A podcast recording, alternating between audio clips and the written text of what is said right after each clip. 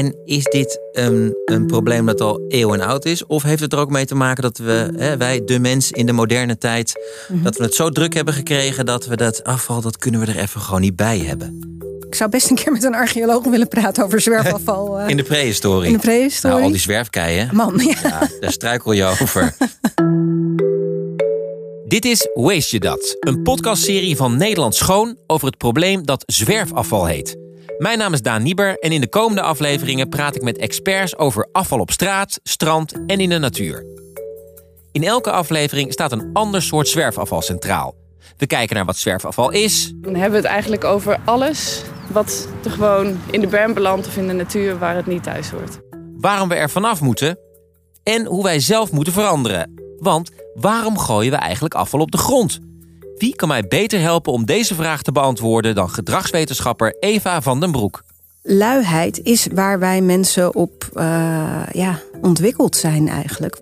En zo is het maar net, Eva. Luiheid is niet alleen van vandaag, maar van alle tijden. Amsterdam is een schone stad. Tenminste, zolang u naar de gevels kijkt. Maar zodra u uw blik naar de grond richt, is het er al niet veel beter dan in andere steden van ons land, dat de naam heeft het properste land van Europa te zijn.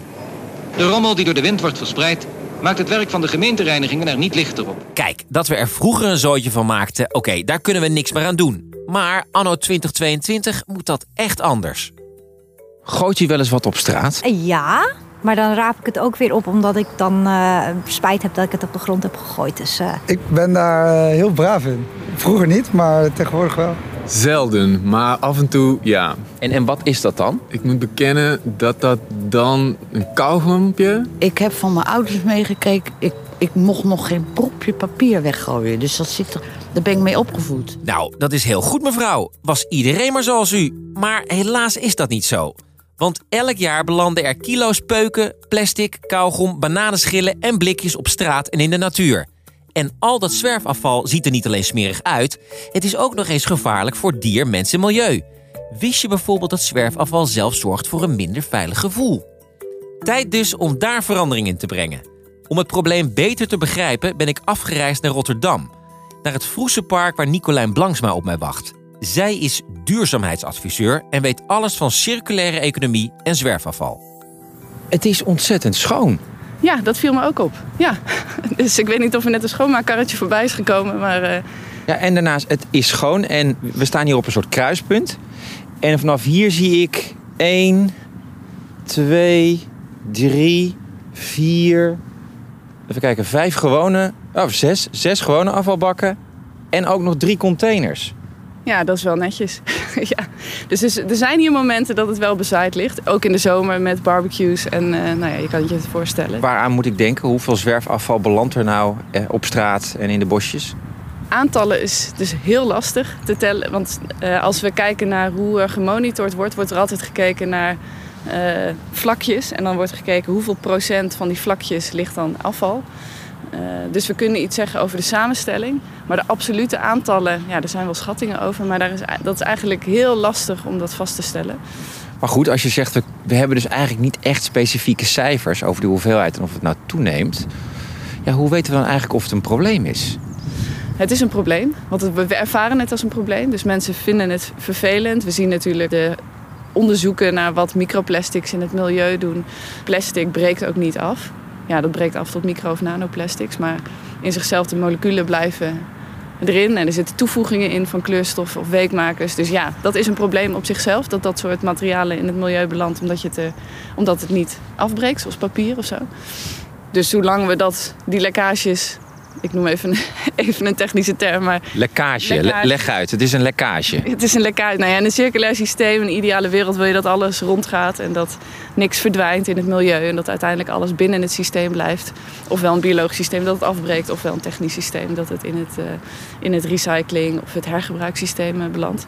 En alles wat daar naar buiten gaat is lekkage. Maar als je dat probleem van zwerfafval wil aanpakken, dan, dan begin je denk ik ook bij... oké, wie zijn dan eigenlijk verantwoordelijk voor dat zwerfvuil? Ja, als jij en ik en iedereen in Nederland het allemaal netjes zouden opruimen, hadden we het hele probleem niet gehad. Tegelijkertijd zijn het de producenten die eh, nou, hun spullen met verpakkingen verkopen. eh, ja, dus je hebt eigenlijk vaak geen keuze om het zonder verpakking te kopen. Ja, en de overheid moet natuurlijk zorgen dat, ons, dat onze parkjes schoon zijn. En dat we een, een fijne omgeving hebben. En dat er regels zijn ook voor die producenten. We zijn dus, en daar komt een cliché, allemaal verantwoordelijk. De politiek pakt in ieder geval de handschoen op. Denk bijvoorbeeld aan de invoering van statiegeld op kleine plastic flesjes. En vanuit Europa is er vorig jaar een verbod opgelegd op het gebruik van wegwerpplastic. Dus afgelopen jaar zijn uh, ballonstokjes verboden, en, uh, weg, plastic wegwerpbordjes en bestek zijn verboden. Uh, dat soort producten. maar vanaf volgens mij 2024 komt er een verplichting om de dopjes van petflessen te bevestigen. Aan, die niet meer los zijn. Want er worden ook heel veel plastic dopjes gevonden, vooral ook op, op stranden.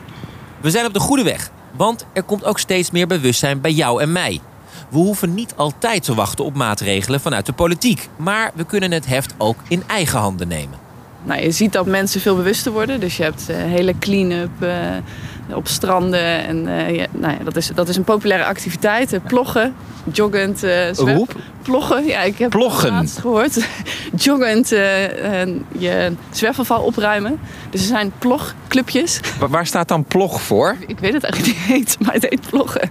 Volgens mij ook als alternatief voor vloggen. Ja, ik, ik weet het niet. Ik ga niet vloggen, ik ga lekker ploggen. Ja, ja ik weet het niet. Maar dat, dat zijn clubjes en die gaan uh, hardlopen. En dan uh, nemen ze zakjes mee. Uh. Maar het is wel grappig. Je ziet het gewoon echt als een leuke activiteit om, om zwerfafval op te ruimen. We zijn dus lekker aan het ploggen met z'n allen. Maar dat betekent niet dat onze straten en parken schoon zijn. Integendeel.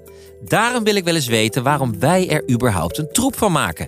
Als iemand het weet, dan is het onze gedragswetenschapper Eva van den Broek. Waarom gooien mensen afval op straat? Ja, het, als je meteen het allersimpelste antwoord wil, eigenlijk uit luiheid. Uh, dat is ja, geen uh, uh, raketwetenschap en zo. Uh, luiheid is waar wij mensen op ontwikkeld zijn eigenlijk. Want ja, je, de hoeveelheid energie die je hebt en ook de hoeveelheid hersencapaciteit die we hebben, is gewoon eindig. En er zijn heel veel beslissingen te maken op een dag. En ook heel veel acties te ondernemen. En je moet toch maar zorgen dat je die dag doorkomt met wat je hebt. Terwijl je over straat loopt, ben je waarschijnlijk heel hard aan het nadenken over andere beslissingen die er aan zitten te komen. Of over wat andere mensen van jou denken. Of over uh, wat je die avond gaat eten. Of wat dan ook. Maar niet bezig met dat stuk afval wat je in je hand hebt. En is dit een, een probleem dat al eeuwen oud is? Of heeft het er ook mee te maken dat we, hè, wij, de mens in de moderne tijd, mm -hmm. dat we het zo druk hebben gekregen dat we dat afval, dat kunnen we er even gewoon niet bij hebben? Ik zou best een keer met een archeoloog willen praten over zwerfafval. In de prehistorie. In de prehistorie. Nou, al die zwerfkeien. Man, ja. ja daar struikel je over. ja, um, ik, denk niet dat dit nieuw is. Ik denk dat wij altijd het druk hebben gehad. dat hebben mensen graag. Aan de andere kant is denk ik de context op straat in een stad op dit moment is wel heel erg druk. Dus we hebben een koptelefoon op met een podcast. Uh, er rijden auto's voor je tenen langs. Uh, je hebt misschien ook nog een kind aan je hand. En je bent ergens naar op weg en moet op knopjes drukken om naar de overkant van de straat te komen. Het is heel vol. Keuzes, keuzes en afval. Geen goede combinatie dus. Maar hier hoeven we ons gelukkig niet bij neer te leggen. Een goede keuze kunnen we namelijk sturen met allerlei gedragsprikkels. Sommige zijn groot, andere zijn klein. Zo klein als een bromvlieg. Er is dus al een jaar of twintig geleden uh, in Schiphol is er echt een soort van icoon van een uh, gedragsveranderingstraject opgestart. Ze hebben hele kleine vliegjes, bromvliegjes getekend in de pispotten van de mannenwc's op Schiphol. Is dat begonnen op Schiphol? Ja. Want ik zie die overal nu. Ja, ik dus nooit. Ja. Hij is ook echt wereldwijd bekend. Uh, wat er gedaan is, is ze hebben zo'n heel klein vliegje in een, in een pispot geschilderd. In de hoop dat mannen beter zouden richten. En dat er dus minder schoon te maken viel daaromheen. En dat werkte echt. En dat werkte ook echt veel beter dan borden ophangen met jongens, doe je best. Laat het achter zoals je hier binnenkwam. En dat soort uh, normatieve boodschappen. Dat hele kleine vliegje deed het beste. En het is natuurlijk enorm wild gegaan daarna. Ik bedoel, er hangen nu inderdaad Duitse voetbalgoals en weet ik veel wat in, uh, in wc's, geloof ik. Maar zo begon het. We moeten dus een beetje geholpen worden. In haar boek, Het Bromvliegeffect, schrijft Eva dat er maar liefst zeven verschillende soorten bromvliegen zijn die allemaal op een andere manier het gedrag van mensen kunnen beïnvloeden. Zo is er bijvoorbeeld een luihuidsvlieg, een pijnvlieg en een gezelschapsvlieg. Over die verschillende bromvliegen komen we in de aankomende afleveringen nog veel meer te weten. Tijdens onze zoektocht naar een manier om ons weggooigedrag te veranderen. Als we aan zwerfafval denken, denken we al snel aan flesjes, blikjes, frietbakjes en ander plastic. Maar ook het achterloos in de bosjes gooien van de bananenschil is zwerfafval. Toch weten veel mensen dat niet. En dat is ook weer niet zo gek. Het is fruitafval en dat voelt als heel natuurlijk. Hè, eh, als je het in je mond kunt stoppen, dan zal een ander dier het ook wel kunnen afbreken. Zo'n soort eh, intuïtie. We hebben hem. De banaan. De banaan, ja. Een natuurlijke verpakking. Ja, eigenlijk de beste. Dus als je het hebt over verpakkingen die... eh, een voedselverpakking moet natuurlijk zorgen dat iets goed houdbaar blijft. Ja, een schil is natuurlijk fantastisch. Als je het zou vergelijken met een plastic zakje, bananenschil of plastic zakje, nou doe dan de bananenschil. Als je dan toch moet kiezen. Maar het beste is om het überhaupt niet te doen, want het geeft natuurlijk gewoon wel echt eh, zooi. Ik denk dat het vooral een manier van goed praten is, eigenlijk, van je eigen acties als je lui bent.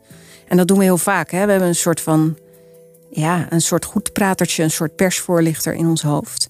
Die nadat we iets hebben gedaan, eigenlijk met redenen aankomt dragen. En bij, bij, vooral bij schillen van fruit en groente, denk ik dat hij heel hard aangaat en zegt van ja, maar dat kan ook best, want. En dan met redenen komt. Een bananenschil is dus wel natuurlijk, maar hij bevat ook relatief veel cellulose. De micro-organismen in de natuur hebben moeite met het afbreken van cellulose. En die natuurlijke bananenschil kan dus zo een jaar liggen te verteren in de bosjes. Nu kan je zeggen, wat is nou het probleem? Uiteindelijk zal die banaan vergaan. Maar zoals Nicolijn al zei, het geeft zooi. En zooi, zo weten we, leidt tot meer zooi. Stel, je zit op een, op een speelplaats in Amsterdam-West... waar heel veel troep op de grond ligt. Dan zijn we ook eerder geneigd om er wat bij te gooien. Omdat je denkt, ja, het maakt niet zoveel uit. Andere mensen doen het ook. Ehm, een vorm van... Ja, het heet de, de broken window theorie. Als er al troep is, als er al kapotte ramen zijn... Uh, wordt er vaker meer troep bij gegooid. Het is een, een, beetje een schimmig concept in de wetenschap, maar het lijkt wel echt zo te zijn dat uh, slecht gedrag slecht gedrag uitlokt, zeg maar. En dat dus ook afval eigenlijk afval aantrekt. Ja, ja ook omdat je uh, er waarschijnlijk niet op aan wordt gekeken. Ook omdat je denkt van ja, het moet toch al opgeruimd worden, dus dit kan er ook nog wel bij. Dus er zitten allemaal van die persvoorlicht mogelijkheden omheen, als er al wat ligt. Het klinkt ook net alsof je als mens dan continu bezig bent om ervoor te zorgen dat je dat je, je niet schuldig gaat voelen. Ja, dat is denk ik ook zo hoor. Een tweede soort van effect dat hier een rol zou kunnen spelen. Uh, mensen um, compenseren hun gedrag heel vaak. Dus die denken dan, ja, ik ben dol op de natuur. Uh, daarom eet ik ook zulke gezonde dingen. Dit is al iets heel gezonds. Een banaan, ja. Dus dan mag dit misschien ook wel op de grond. Of ik heb vanochtend toch al zo kort gedoucht. Dus dan mag dit nu wel eventjes wat minder doordacht uh, opgelost worden. Dus mensen compenseren eigenlijk verschillende soorten duurzaam of gezond gedrag. En denken dan dat ze daarmee een soort aflaat hebben gekocht om het nu maar wel op de grond te gooien. Die persvoorlichten maken echt hele drukke uren. Ja. Ja. Dus wat helpt is een rijtje belangrijke mensen voor de neus van degene met de bananenschil zetten. Die allemaal kijken naar wat hij doet. Dus als je je gezien voelt, uh, als je het idee hebt dat er mensen op je letten, ben je veel meer geneigd om het nette gedrag te vertonen. Maar ik denk dat vooral die gezelschapsvlieg waar we het over hadden, dat die hier een heel grote rol kan spelen.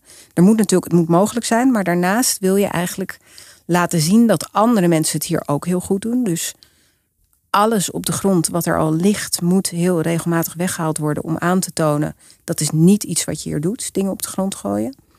En daarnaast, ja, mensen die het goede voorbeeld geven, liefst uit de groep die je wil beïnvloeden, ja, die kunnen, die kunnen echt een grote rol spelen. Zwerfafval. Dat is het resultaat van onze eigen luiheid en stress. En de persvoorlichter in ons hoofd praat het wel goed. Gelukkig zouden we prima in staat moeten zijn om dit te corrigeren. Door middel van die gezelschapsvlieg van Eva. Want als niemand om je heen zijn afval op straat gooit, doe jij dat ook niet. Dus hoe meer jij en ik ons afval gewoon in de afvalbak gooien, hoe meer anderen ons voorbeeld zullen volgen. En dat geldt ook voor fruitafval zoals de bananenschil. Een jaar lang veiligheid en het risico dat iemand uitglijdt, dat wil je toch niet op je geweten hebben? Dat praat geen persvoorlichter goed. Volgende keer in Wees je dat, kauwgom. Hoe krijg je dat spul weg? Peter Groenewegen weet wel raad mee. Want if there's something plakkerigs op straat in your neighborhood, who you gonna call? Inderdaad, de Gumbusters. Oh ja, en die banaan die ik mee had in het park, die heb ik aan iemand gegeven die het meer nodig had dan ik. U was aan het hardlopen. U moet nog hardlopen. Hoeveel kilometer heeft u nog te gaan? Nou, niet meer zoveel hoor. Ik eh, ga richting huis, een kilometer of zo. Ja. Nou, Je moet wel goed eten. Dus ik dacht, kan ik die banaan dan aan u meegeven? En dat u dan belooft dat u die schil dan deponeert in eh, ja, de afvalbak? Absoluut, doe ik. Zeker weten. Geef ik die mooie gele voedzame rakker aan u? Ik ga hem ook nog splitsen zelf, want er zit een sticker op. Nou, u haalt de sticker er zelfs vanaf. En die gaat dan weer bij plastic afval. Nee, nee, ja, bij het restafval. Ja, ja, ja.